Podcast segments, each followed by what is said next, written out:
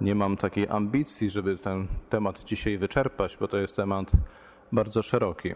Ktoś mógłby powiedzieć, że właściwie taka dyskusja może jest niepotrzebna, bo modlitwa to jest coś, co towarzyszy nam od dziecka. Myślę, że większość z nas ma takie doświadczenie bycia uczonym modlitwy przez naszych rodziców, przez dziadków, przez katechetów w szkole, więc to jest faktycznie coś, co nam towarzyszy od bardzo, bardzo dawna i coś, do czego się uciekamy w chwilach e, niebezpieczeństwa, zagrożenia, w ważnych chwilach, chwilach radości, w jakichś takich kluczowych momentach. Więc wychodzi na to, że powinniśmy dobrze się na tym znać i nie doświadczać żadnych trudności. Ale dobrze wiemy, że oprócz takiej modlitwy, która jest taka punktowa, czyli zdarza się z jakiejś okazji, jest to krótka modlitwa, forma jakiegoś wezwania. Wszyscy pragniemy praktykować taką modlitwę, którą chociażby tutaj przed chwilą praktykowaliśmy, czyli modliliśmy się dłuższą chwilę przed Najświętszym Sakramentem. Trwać dłuższy czas przed Bogiem na modlitwie. Każdy z nas wie, jakie to jest doświadczenie. Jakkolwiek pragniemy to robić do końca życia, wiążą się z tym jakieś trudności. Są tutaj jakieś przeszkody. Zacznijmy od takiego małego przykładu, który zaczerpnąłem z pewnej książki. Otóż autor tej książki pewnego dnia przechadzał się pośród pól i łąk. Dookoła niego była pusta połać terenu, i na tej ścieżce między, droga, między polami spotkał człowieka, który wyprowadzał na spacer swoje psy, cztery psy. I trzy z tych psów biegały sobie swobodnie dookoła przez te wszystkie pola.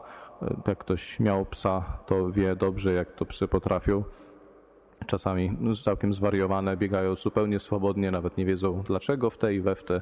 Tak to już z nimi jest. Ale czwarty z tych psów cały czas był przy tym człowieku i wybiegał najwyżej na metr do przodu i wracał zaraz do niego. Biegał tylko w takich bardzo krótkich okręgach, na taki bardzo krótki dystans. No i ten nasz autor podszedł do tego człowieka i zapytał go, dlaczego trzy z twoich psów zachowują się tak swobodnie, a ten czwarty jest taki skrępowany i jest cały czas przy tobie. I ten człowiek mu odpowiedział, że tamte psy wychowały się u niego w domu, w jego posiadłości, gdzie zawsze miały mnóstwo terenu do dyspozycji, a ten czwarty pies to jest pies, którego niedawno wyratował z niewoli, ponieważ przez całe swoje życie od szczenięcia y, był umieszczony w takiej małej klatce. W związku z tym nauczył się biegać tylko po tej klatce. Mimo, że tej klatki już nie ma, no to ta klatka została mu w głowie. Nie umie biegać inaczej, jak na taką małą odległość. I ten nasz autor bierze ten, tę sytuację, ten przykład i robi z tego punkt wyjścia dla takiej szerszej refleksji o tym, jak wygląda nasza relacja z Panem Bogiem. Jeżeli ktoś z nas uważa, że spotkanie z Bogiem jest czymś sporadycznym, rzadkim, czymś, na co się, do czego się mobilizujemy od czasu do czasu, że Bóg jest kimś odległym i w związku z tym trzeba się bardzo postarać, żeby się z Nim spotkać, to ktoś taki sam na siebie nakłada podobną klatkę. To znaczy, że w swoim życiu duchowym zawsze będzie biegł tylko na krótki dystans. To będzie zawsze tylko ten metr, półtora do przodu i zaraz z powrotem do punktu wyjścia. Ponieważ co innego jest prawdą chrześcijańską. Bóg jest zawsze blisko nas, relacja, więź z Bogiem jest zawsze dla nas możliwa i modlitwa jest jednym ze środków, żeby to osiągnąć. Bóg jest blisko nas. To nie jest tak, że z Bogiem spotykamy się tylko w niedzielę, albo tylko w Eucharystii, albo na samej tylko modlitwie.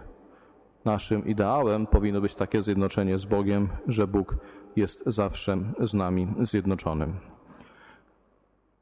Co to jednak konkretnie dla nas oznacza? Zanim do tego dojdziemy, to zróbmy takie proste spostrzeżenie, że każdy z nas obserwuje w naszym życiu pewną etapowość. W naszym życiu są etapy. Jako, widzimy to chociażby po, po naszym ciele. Jako dzieci jesteśmy mali, jako nastolatkowie szybko rośniemy, jako dorośli jesteśmy w pełni sił i później w miarę upływu lat te siły też słabną. Nasza psychika też dojrzewa ponieważ jako dzieci jesteśmy często bardzo skupione na sobie. Mówimy daj, daj, ja, ja. To jest coś, co robi przecież każde dziecko. Boimy się bardzo wielu rzeczy, nie mamy wyobraźni dotyczących zagrożeń, jakie możemy spotkać, więc nasza psychika jest jeszcze niedojrzała. Ale w pewnym momencie trzeba wziąć odpowiedzialność za swoje życie, trzeba nauczyć się ponosić skutki swoich własnych błędów i do tego psychika też musi dojrzeć.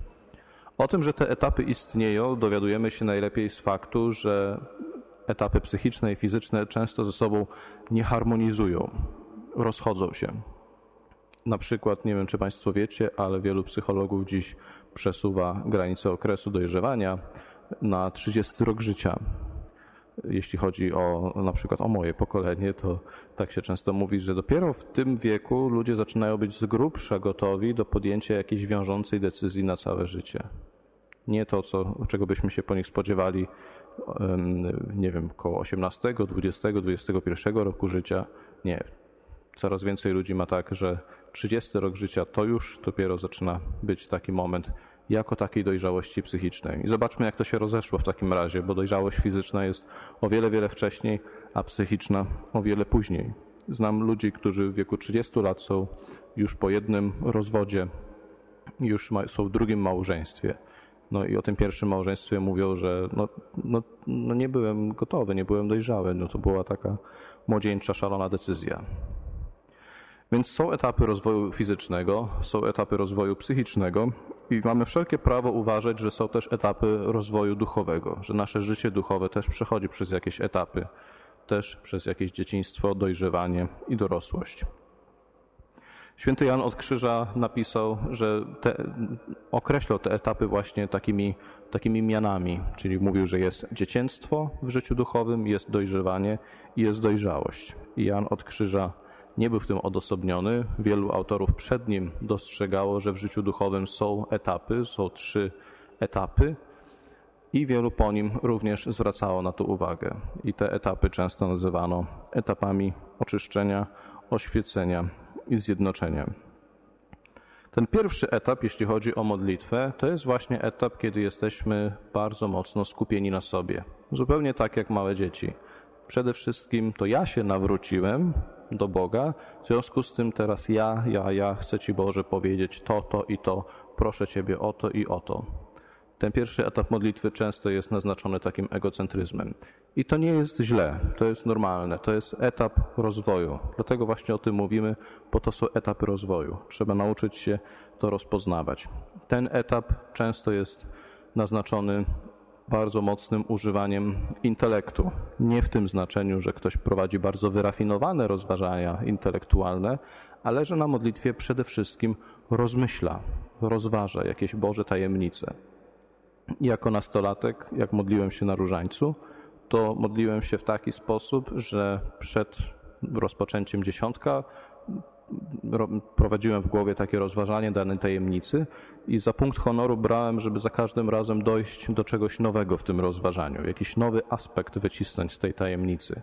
Trwało to kilka lat, więc możecie sobie wyobrazić, że po kilku latach takiego rozważania już naprawdę trudno znaleźć tam coś nowego, bo przestaje w tym chodzić o to, żeby odkryć coś nowego. Jeżeli poznajemy człowieka, który budzi naszą sympatię, chcemy się o nim dowiedzieć coraz więcej i więcej i więcej, ale przecież jest jakaś granica. Nie dowiemy się, nie, to, nie, to nie będzie poznawanie w nieskończoność.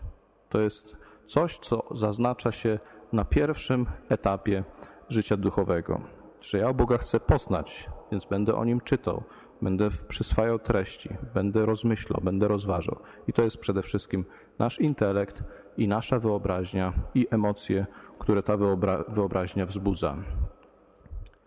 Przychodzi jednak moment, kiedy te rozważania zaczynają nam ciążyć, i tu chcę przytoczyć list kierownika, pewnego kierownika duchowego do osoby świeckiej. Uważam, że masz całkowitą rację, nie próbując rozmyślać. Niewątpliwie rozmyślanie jako ćwiczenie umysłowe byłoby możliwe, bo w tym sensie zawsze jest możliwe. Ale nie niepokój się, po prostu módl się. Wszystko, co piszesz, wskazuje, że wyobraźnia nie jest ci przydatna w życiu duchowym. Lubisz mieć przed oczami żłobek lub jakiś obraz, po prostu jako punkt skupiający uwagę. To znaczy nie po to, by wspomóc wyobraźnię, pobudzając ją, lecz przeciwnie, żeby ją uciszyć. Nie troszczyłbym się o to, jak należy odmawiać różaniec. Najprostszy sposób to wzbudzić w sobie jakąś prostą myśl związaną z daną tajemnicą. To jest fragment listu ojca Johna Chapmana, angielskiego benedyktyna, którego listy wydaliśmy w naszym wydawnictwie przed laty. Bardzo, bardzo je polecam. Nie dlatego, że robię reklamę naszemu własnemu wydawnictwu, ale dlatego, że są naprawdę bardzo pomocne, zwłaszcza dla kogoś, kto rozpoczyna życie duchowe, ale tak naprawdę dla każdego, kto chce je trwale prowadzić. Ja je czytam co roku, bo te listy odnoszą się do osób świeckich, do sióstr zakonnych, do mniszek, do kapłanów i opisują różne etapy życia duchowego i różne symptomy, które im towarzyszą. To jest taka mapa, na której można się odnaleźć. Ponieważ naprawdę doświadczamy bardzo różnych symptomów w naszym życiu duchowym. Ktoś się nawrócił i modli się, i po pewnym czasie nagle, tak jak ten człowiek, nie może rozmyślać już o takich pobożnych sprawach. Powiedzielibyśmy, że tu jest jakiś problem. No, to, czy to jest prawdziwa pobożność, że ktoś nie chce rozważać o pobożnych sprawach? A John Chapman mówi mu oczywiście, że nie chcesz o tym rozważać, ponieważ ten etap już minął. Tak jak w relacji z człowiekiem, przestajesz w końcu zadawać pytania, a gdzie studiowałeś, a co robiłeś, a co cię interesuje, i zaczynasz poznawać człowieka w inny sposób, tak samo jest na modlitwie. Kończy się etap intelektualnego, intensywnego rozważania. To jest więc jakiś moment przejścia z jednego etapu do drugiego i jedną z głównych trudności na modlitwie jest to, że nie dostrzegamy, iż Bóg nas prowadzi do kolejnego etapu, że Bóg nas chce wprowadzić w ten kolejny etap. Jedną z głównych trudności jest to, że źle dobraliśmy sobie metodę modlitwy. Znam, znam osobę, która bardzo chce za każdym razem, gdy dzieje się w jej życiu coś ważnego, odmawiać nowennę pompejańską. To jest takie dość wymagające nabożeństwo i nigdy jej się to nie udało. Za każdym razem ponosi kompletną porażkę, bo nie ma na to czasu, nie jest się w stanie skupić. Nie jest to metoda modlitwy dla tej osoby właściwa, ale z, z uporem maniaka będzie się tego trzymać, ponieważ nowenna pompejańska jest taka, taka kolosalna i taka wielka, więc w związku z tym dzieje się coś ważnego, no to nowenna pompejańska. To jest, to jest błąd w życiu duchowym. To jest choroba w życiu duchowym. Źle dobrać sobie metody modlitwy. Zamiast pomocą, to się staje przeszkodą. Do tego trzeba być gotowym, do tego typu modlitwy. Trzeba być do tego dojrzałym. Jeżeli sami uparcie trzymamy się takiej metody modlitwy, która nie przynosi nam już pomocy, to sami na siebie nakładamy tę klatkę, która ogranicza nasze ruchy. Nagle będziemy zamiast iść w naszym życiu duchowym mocno do przodu, możemy iść tylko na jeden metr do przodu i musimy wrócić do punktu wyjścia. Zwłaszcza jeżeli ktoś jest, żyje w klasztorze, gdzie oczekuje się od, od kogoś takiego, by codziennie pojawił się w kaplicy przed Najświętszym Sakramentem, żeby się pomodlić, e, trudno wychwycić ten moment, kiedy Bóg wzywa do przejścia do kolejnego etapu. Bo skoro jestem codziennie w kaplicy i codziennie się modlę, czyli codziennie robię coś pobożnego, no to chyba idziemy do przodu. Ale z samego faktu pójścia do kaplicy jeszcze nie, nie dokonamy następnego kroku w naszym życiu duchowym. Nie tylko to, co na zewnątrz, ale to, co jest wewnątrz, ma znaczenie. Jan od Krzyża nam to potwierdza. Mówi, że ten pierwszy etap w życiu duchowym kończy się tak zwaną nocą zmysłów. Ten etap, który opiera się przede wszystkim na umysłowym rozważaniu. Noc zmysłów to jest takie doświadczenie, kiedy przestają nas sycić, zadowalać, interesować zmysłowe doświadczenia, takie doświadczenia, które wiążą się z konsumowaniem rzeczy stworzonych, z konsumowaniem tego, co jest skończone, ale jeszcze nie mamy doświadczenia Boga.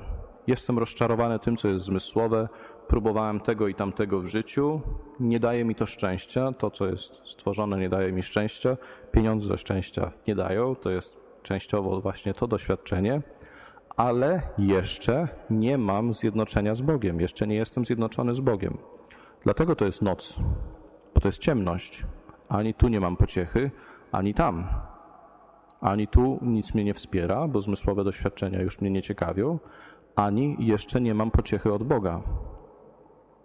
To jest doświadczenie, które na przykład często towarzyszy osobom, które chcą wstąpić do klasztoru, ponieważ przebywały w świecie i doświadczały tego i tamtego, pewnym momencie przychodzi rozczarowanie i ich intuicja jest, jeżeli to, co stworzone i skończone mnie nie zadowala, w takim razie zwrócę się ku temu, co jest niestworzone i nieskończone, a taki jest tylko Bóg.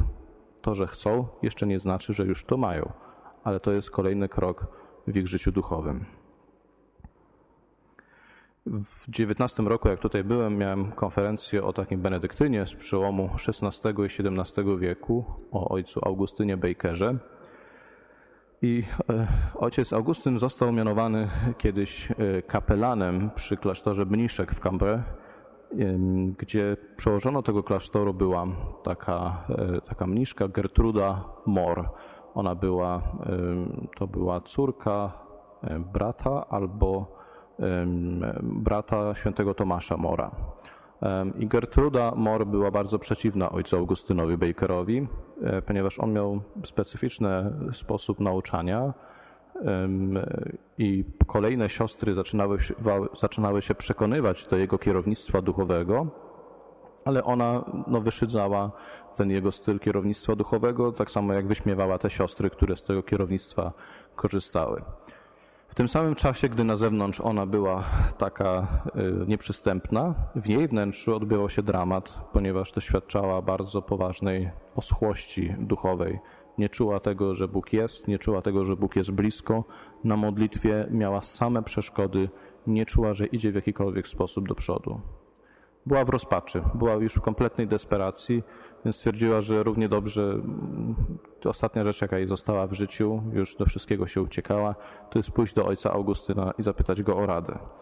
Więc wybrała się do tego, którego wyśmiewała i powiedziała mu, jaka jest sytuacja. A on zrobił tylko jedną rzecz. On dał jej do przeczytania fragment dzieła takiego pisarza, Konstantyna de Barbasson, i gdzie jest mowa o tym, że w poczuciu jałowości, którego doświadczają wybrane dusze, należy rozpoznać moment przejścia z jednego etapu życia duchowego do drugiego etapu. Że kończy się dla ciebie, siostro, medytacja, która polega na umysłowym rozważaniu. Teraz jest dla ciebie czas, żebyś przygnęła wolą do Boga, swoją wolą. Zamiast myśleć o nim, zacznij go chcieć i pragnąć. I od tego momentu Gertruda całkowicie się odblokowała. W jej duszy popłynęły wody, zdroje wody żywej. Stała się najwierniejszą e, uczennicą ojca Augustyna Bakera i później jedną z kompilatorek jego dzieł, jego traktatów. Więc takie przykłady znajdujemy w historii Kościoła raz po raz. Są naprawdę etapy w naszym życiu duchowym. Jeżeli ktoś całe życie tkwi w tym życiu duchowym, jak w takiej zupie, która nie ma żadnych granic, nie da się rozpoznać niczego, to znaczy, że musimy się temu uważniej przyjrzeć. Jeżeli Twoje ciało dojrzewa, jeżeli Twoja psychika dojrzewa, to dlaczego życie duchowe miałoby nie dojrzewać? Zostawmy jednak teraz ten temat etapów życia duchowego. Dość powiedzieć, że w tym niewłaściwym dobiorze, doborze metody modlitwy nasze trudności często mają swoje źródło. Módl się jak potrafisz, a nie módl się jak nie potrafisz. To jest to, co ojciec John Chapman często mówił, taka jego słynna maksyma. Ja mam bardzo krótki staż kapłański, ale e, z tych spowiedzi, które słucham, mogę wysnuć dwa wnioski, jeśli chodzi o modlitwę. Główna trudność na modlitwie to jest brak czasu, czyli nie modliłem się, bo nie miałem czasu. A jeżeli już ktoś miał czas, to mówi, że nie mogłem się skupić na modlitwie. Miałem rozproszenia, czyli brak czasu i rozproszenia. Kiedy arcybiskup Ryś został metropolitą łódzkim, zorganizował rekolekcję dla kapłanów i tam przytoczył im taką rozmowę, która się odbyła między papieżem Benedyktem XVI i kapłanami z jednej z włoskich diecezji. I ci kapłani mówili do papieża, co mamy robić wobec kryzysu powołań, bo jest nas coraz mniej. Nikt nie wstępuje do seminariów, jest nas coraz mniej i mniej, a pracy spada na, na nas coraz więcej i więcej. W związku z tym, na czym mamy się skupić, z czego mamy zrezygnować, a w czym jesteśmy niezastąpieni. I myśleli pewnie, że papież im powie, że jesteście niezastąpieni w sprawowaniu sakramentów, no bo kto inny może to zrobić, tylko kapłan może odprawić mszę świętą, tylko kapłan może wysłuchać spowiedzi. Ale papież powiedział im wtedy, że macie modlić się jedną godzinę przed Najświętszym Sakramentem codziennie, że macie codziennie znaleźć czas na taką adorację. Czyli oni przychodzą i mówią mu: My nie mamy czasu, więc z czego mamy zrezygnować? A on im mówi: No to macie jeszcze godzinę modlitwy do tego wszystkiego dołożyć. Na, na takie stwierdzenie, że nie mam czasu na modlitwę, jest tylko jedno remedium. Musisz znaleźć ten czas. To jest kwestia życia i śmierci. Jeżeli Chrystus, który miał przecież tak, e, e, tak zajmującą, tak czynną działalność, uzdrawiając e, i, i wyrzucając złe duchy, do którego lgnęły tłumy ludzi, jeżeli Chrystus był w stanie wstawać przed świtem i iść na górę, żeby modlić się w odosobnieniu, ten, który zawsze był zjednoczony ze swoim Ojcem, o którym powiedzielibyśmy, przecież On nie potrzebuje modlitwy, On jest zawsze zjednoczony z Ojcem, a On szedł w odosobnienie no, kosztem wielkiego wysiłku i modlił się. To kto z nas może znaleźć wymówkę? Jak możemy się nie modlić? Musimy znaleźć czas, chociażby to kosztowało nas coś bardzo ważnego. To jest ofiara, oczywiście. Kiedyś pamiętam, jak e, w klasztorze zaczynałem być kantorem i e, ojcu Leonowi powiedziałem, że to jest strasznie trudne, te wszystkie łacińskie śpiewy i w ogóle nie rozumiem, po co jest tyle wysiłku, po co wysi wiele wysiłków to wkładamy. A on mi powiedział, że ale przecież to jest sacrificium laudis, to jest ofiara chwały. Ofiara, która nic nie kosztuje, nie jest żadną ofiarą. Więc jeżeli nasza modlitwa nie jest ofiarą, no to czym wtedy jest? To jest nastawienie, które w Kościele, jak mi się wydaje, wzbudza sam Duch Święty. Warto przyglądać się takim nowym zgromadzeniom zakonnym, które często na początku swojej działalności cieszą się jakimś szczególnym Bożym charyzmatem. Kiedy siostry e, miłosierdzia, te siostry od Matki Teresy z Kalkuty, posługiwały chorym, często było widać, jak na znak dzwonu czy jakiegoś innego sygnału oznaczającego modlitwę, zostawiały wszystko dosłownie i szły modlić się przed Bogiem. To bardzo wielu ludzi gorszyło. Jak tak można? Przecież tamte sprawy są ważniejsze. Ale jeżeli one by sobie nie postawiły tak mocno tego akcentu na to, że musi być długi czas w ciągu dnia dla modlitwy, to przecież by się nie utrzymały. Franciszkanie Odnowy, takie zgromadzenie, które e, powstało w Stanach Zjednoczonych, które pierwszy swój klasztor miało w takiej gangsterskiej dzielnicy Nowego Jorku, podobnie kładą nacisk na to, że rano i wieczorem musi być po jednej godzinie adoracji Najświętszego Sakramentu. Mają bardzo intensywny tryb życia, bardzo niebezpieczny też często, bo naprawdę posługują w nieciekawych, powiedzmy to tak, okolicach a jednak kładą na to taki nacisk. Masz spędzić te dwie godziny przed Najświętszym Sakramentem, tak byś mógł utrzymać tę Bożą obecność w sercu przez cały ten trudny dzień. Nie chodzi o to, że my mamy to wziąć i skopiować w naszym życiu jeden do jednego, bo pochodzimy z bardzo różnych środowisk i towarzyszą nam różne okoliczności. Ale zaczerpnijmy z tego przynajmniej to. Musimy sami znaleźć ten czas na modlitwę, chociażby nas to bardzo kosztowało. Jeżeli chodzi o rozproszenia, to najbardziej na rozproszenia wystawiony jest ten, kto za swoją metodę modlitwy obrał właśnie rozważanie, rozmyślanie, które opiera się na takim intelektualnym rozważaniu, albo ten, kto modli się za pomocą wyobraźni. Tak też niektórzy robią. Też pamiętam, że ja tak robiłem wiele razy, że zanim na przykład odmówię sobie dziesiątek różańca, to wyobrażam sobie, że jestem w tej scenie ewangelicznej, że jestem tam obecny. I to jest jak najbardziej w porządku, jest to jakaś metoda modlitwy, ale miejmy świadomość, że nasze rozproszenia to są przede wszystkim myśli i obrazy.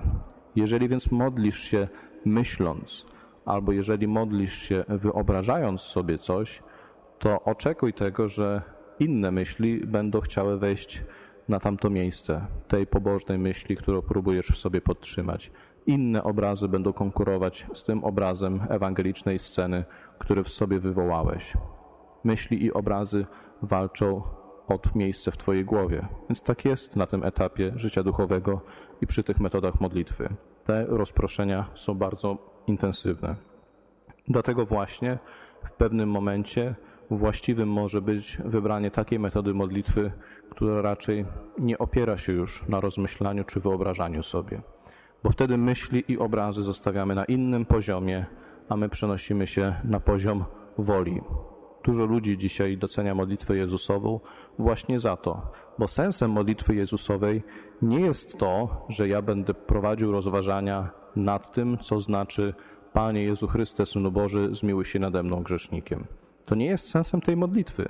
Osobno można sobie porozważać treść tej formuły, ale nie jest sensem tej modlitwy rozważanie intelektualne poznaczenia tych poszczególnych słów. Te słowa mają ukierunkować nasze serce, naszą wolę ku Bogu. Zamiast modlić się tym, że myślę o Bogu, zaczynam modlić się tym, że Go chcę i pragnę.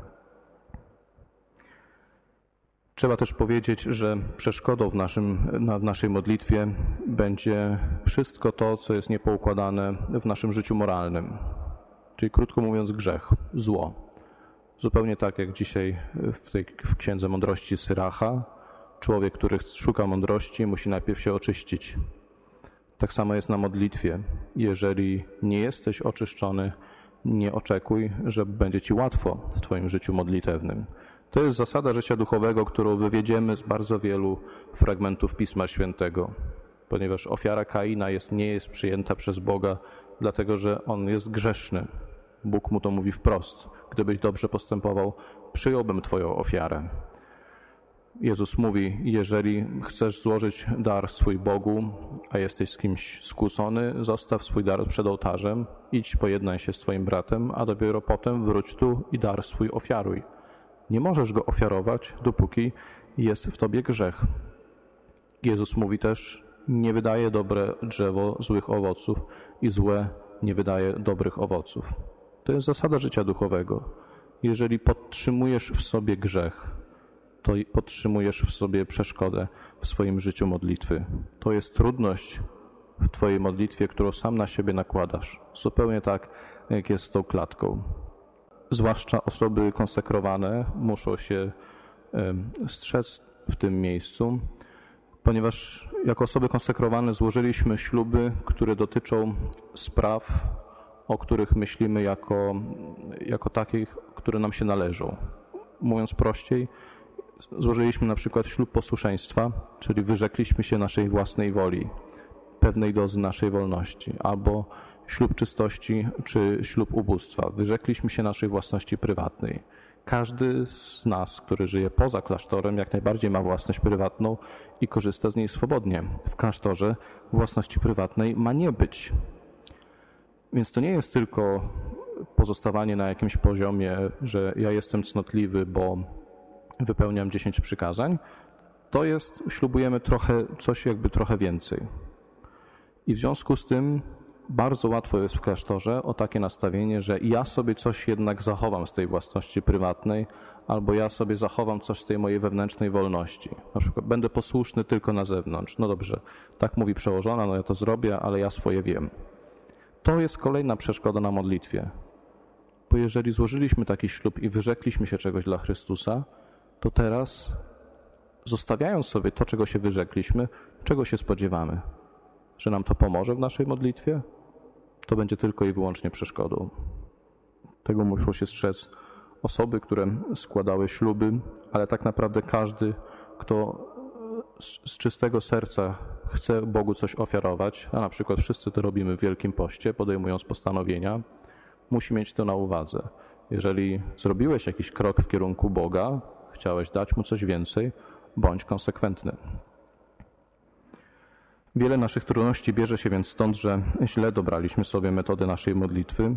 Tych metod jest wiele, tak jak jest wiele tych etapów, które przechodzimy w naszym życiu duchowym, więc miejmy na uwadze to, że nasza modlitwa ma prawo się zmieniać. Każdy z nas musi podjąć wysiłek, żeby pozyskać ten czas na modlitwę osobistą i nie ma na to innego remedium. To rzeczywiście będzie wysiłek. A jeśli ktoś doświadcza rozproszeń, niech rozważy, czy aby Bóg nie powołuje go do zrobienia kroku naprzód w kierunku jakiejś zmiany w swoim życiu wewnętrznym. Nie nakładajmy sami na siebie tej klatki, której Pan Bóg dla nas wcale nie zaprojektował. W naszych wspólnotach czasami trochę śmiejemy się z tych, którzy mają takie mistyczne aspiracje. Jeżeli ktoś, na przykład u nas w klasztorze, jeżeli ktoś chodzi w kapturze, po krużganku i wygląda jak upiór w operze, no to zdarza się, że ktoś powie, że o, ten mistykuje, że ma takie nastawienie bardzo mistyczne. I myślę, że jest w tym taka e, dobra doza dystansu, poczucia humoru, coś, co chroni nas przed ostentacją, przed nieuczciwością w życiu duchowym, ponieważ życie duchowe musi być bezwzględnie uczciwe i szczere. Ale nie zapominajmy o tym, że Kościół głosi nam coś bardzo ważnego. Każdy z nas jest powołany do zjednoczenia z Bogiem. Każdy z nas ma się z Bogiem zjednoczyć. Jan od Krzyża mówi, że ten trzeci etap zjednoczenia to jest etap dojrzałości. A kto z nas nie chciałby być dojrzały w życiu duchowym? Czy Bóg nam to da? Nie jest to jasne, nie wiemy tego, ale do tego mamy dążyć, do tego mamy aspirować. Na koniec jeszcze taka uwaga. Mówiąc o tych etapach życia duchowego, nie chciałbym sugerować, że ktoś, kto całe życie modli się jedną metodą i tą metodą dla początkujących, jest jakiś gorszy albo opóźniony w duchowym rozwoju. Tak nie wolno powiedzieć, bo nikomu nie wolno osądzać relacji człowieka z Bogiem. Zresztą na każdym etapie życia duchowego pewne praktyki mogą być dla nas pożyteczne. Jeżeli nawet ktoś już zostawił za sobą rozmyślanie jako metodę modlitwy, to i tak warto, żeby na przykład w Wielkim Poście wrócił do drogi krzyżowej i modlił się w taki sposób. Augustyn Baker, ten, który, który właśnie z tą Gertrudą Moore rozmawiał i zachęcał ją do zrobienia naprzód ku kolejnemu etapowi życia duchowego, mówił, że jednak zawsze należy rozważać mękę pańską. Więc nie osądzajmy niczyjego życia duchowego, ponieważ to Bóg jest zawsze tym, który ma absolutną inicjatywę w życiu modlitwy. To do Niego należy inicjatywa. Nikomu więc nie wolno tego osądzać. Matka Teresa z Kalkuty do śmierci trwała na tym etapie, który Jan od Krzyża nazywa ciemną nocą duszy. To jest coś, co dostrzeżono w jej zapiskach po jej śmierci, że ona przez te długie lata nie miała takiego doświadczenia, że Bóg jest blisko. Nie było jej dane doświadczenie, że się zjednoczyła z Bogiem. Mimo jej najszczerszych chęci i najogromnych wysiłków, nie było jej to dane. Została jej zostawiona ta przeszkoda w modlitwie. Nie otrzymała tej łaski, żeby pójść, przejść do kolejnego etapu. Do tego mówię, że nie wiemy, czy nam to będzie dane, ale mimo wszystko to powinno być dla nas naszym celem. Dokładnie do tej sytuacji odnoszą się słowa świętego Pawła z drugiego listu do Koryntian. Aby zaś nie wynosił mnie zbytnio ogrom objawień, dany mi został oścień dla ciała, wysłannik szatana, aby mnie policzkował, żebym się nie unosił pychą. Dlatego trzykrotnie prosiłem Pana, aby odszedł ode mnie, lecz Pan mi powiedział, wystarczy Ci mojej łaski, moc bowiem w słabości się doskonali. Najchętniej więc będę się chlubił z moich słabości, aby zamieszkała we mnie moc Chrystusa. Paweł tak patrzy na swoje życie duchowe. On ma ogrom objawień. W innym miejscu Paweł mówi, trochę w zawoalowany sposób, że został wzięty do trzeciego nieba, że widział tam rzeczy, o których się nie godzi człowiekowi powiedzieć. Czyli Paweł był jak najbardziej zjednoczony z Bogiem. Otrzymywał jakieś objawienia, miał jakiś szczególny, szczególny wgląd w tajemnicę Bożą. I żeby to wszystko nie było dla niego powodem do pychy, otrzymał oścień dla ciała. Co to był za oścień? Czy to była choroba? Czy to była jakaś słabość, namiętność, z której nie mógł się wyzwolić? Czy to była jakaś trudna relacja, której nie mógł sobie poukładać? Tego nie wiemy. Ale zobaczcie, jaka jest Boża logika. Bóg daje Pawłowi zjednoczenie z sobą, a jednocześnie zostawia mu jakąś przeszkodę na jego modlitwie, zostawia mu jakąś trudność dla jego dobra. Jeżeli więc jakaś trudność utrzymuje się w naszym życiu duchowym, bądźmy też na to otwarci, że może taka jest wola Boża, że może w takim razie Bóg chce nas obdarować gdzieś indziej i w jakiś inny sposób. Matka Teresa, która, której nie było dane zjednoczyć się z Bogiem przez modlitwę tutaj za życia, dokonała tyle dookoła siebie na rzecz osób słabszych i chorych. Zobaczcie, że Bóg nie poskąpił jej łaski, ale dał ją w inny sposób, w innym miejscu. Pamiętajmy o tym, żeby nasze życie duchowe nigdy nie było podporządkowane naszym oczekiwaniom, naszym pragnieniom, naszym własnym planom, ale tylko i wyłącznie Bogu samemu, który jest władcą wszystkiego, co żyje.